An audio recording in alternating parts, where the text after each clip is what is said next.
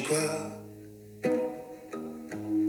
C'è una piega del mondo che la vede soltanto chi non vive a metà. Sotto l'ala del cielo, sopra il buio del fondo, c'è una piega del mondo. Fermiamoci qua. Darrere el taló blau cel de la por. Magari anche niente, neanche la gente che viene e che va. Si può stare a guardare anche senza parlare nelle pieghe del mondo, quel che il mondo non sa. La companyia La Viciosa manté la seva línia de teatre compromès, una definició que, per comoditat benestant, ja semblava que fos exiliada. I ho fa sense prescindir de l'aire poètic i simbolista, però també sense obviar la denúncia social que hi ha al darrere.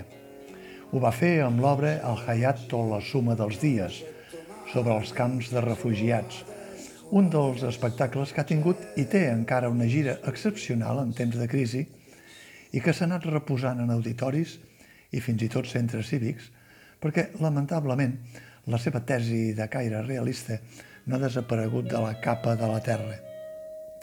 Ara, també amb la dramatúrgia d'Aura Foguet Seguí, que ja va ser coautora amb la seva germana Laia Foguet del Hayato La suma dels dies, posa el dit a la nafra dels silencis al voltant dels abusos infantils amb una proposta teatral que reuneix diferents registres, la paraula, la música, la poètica i el moviment coreogràfic. I potser hauria dit també amb una mica de cultura gastronòmica, perquè les dues truites cargolades que s'hi cuinen, cargolades, com en deien abans, o a la francesa, com en diuen ara, a segons quines hores fan entrar la gana. Els espectadors caldrà que esperin el desenvolupament complet de la trama per esbrinar què és el que li passa a la petita adolescent jove, Rita, interpretada en diferents etapes de la seva vida per Manar Taljo, que ja era també al Hayat i que s'ha vist recentment a Síndrome de Gel, una actriu barcelonina, filla de pare sirià i mare catalana, que té l'avantatge de poder alternar papers de personatges relacionats amb el seu doble origen.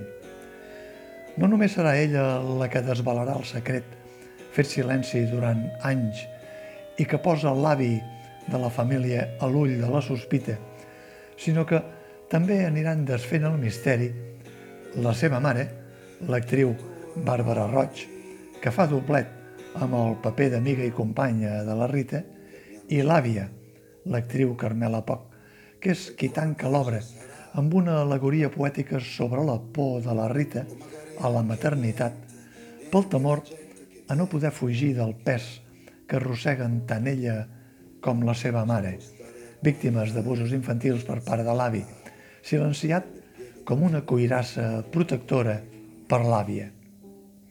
La dramatúrgia de qui no s'atreveix a tremolar transcorre en un conglomerat de peces, gairebé píndoles. Crec que es podria escurçar una mica per repetitiva la del mercat. Algunes més dramàtiques, d'altres més lúdiques, com la del tanatori festiu, i que en alguns casos recorren el flashback entre elles i que van perfilant el què i el per què de cadascuna de les tres dones de la família, sempre davant d'un joc de taló de fons fet de tuls blaus de mar amb una melòdica remor d'ones. La incògnita que lliga la trama és la por i els dubtes de la Rita. Es pot ser mare si s'han patit abusos infantils? El caràcter aspre i possessiu de la mare es pot ser mare oberta i confiada si s'han patit abusos infantils? I la dolcesa cuirassada de l'àvia. L'obra fa un retom final des de la poètica que ha impregnat tota la trama a la cruesa del realisme i la fredor de les estadístiques.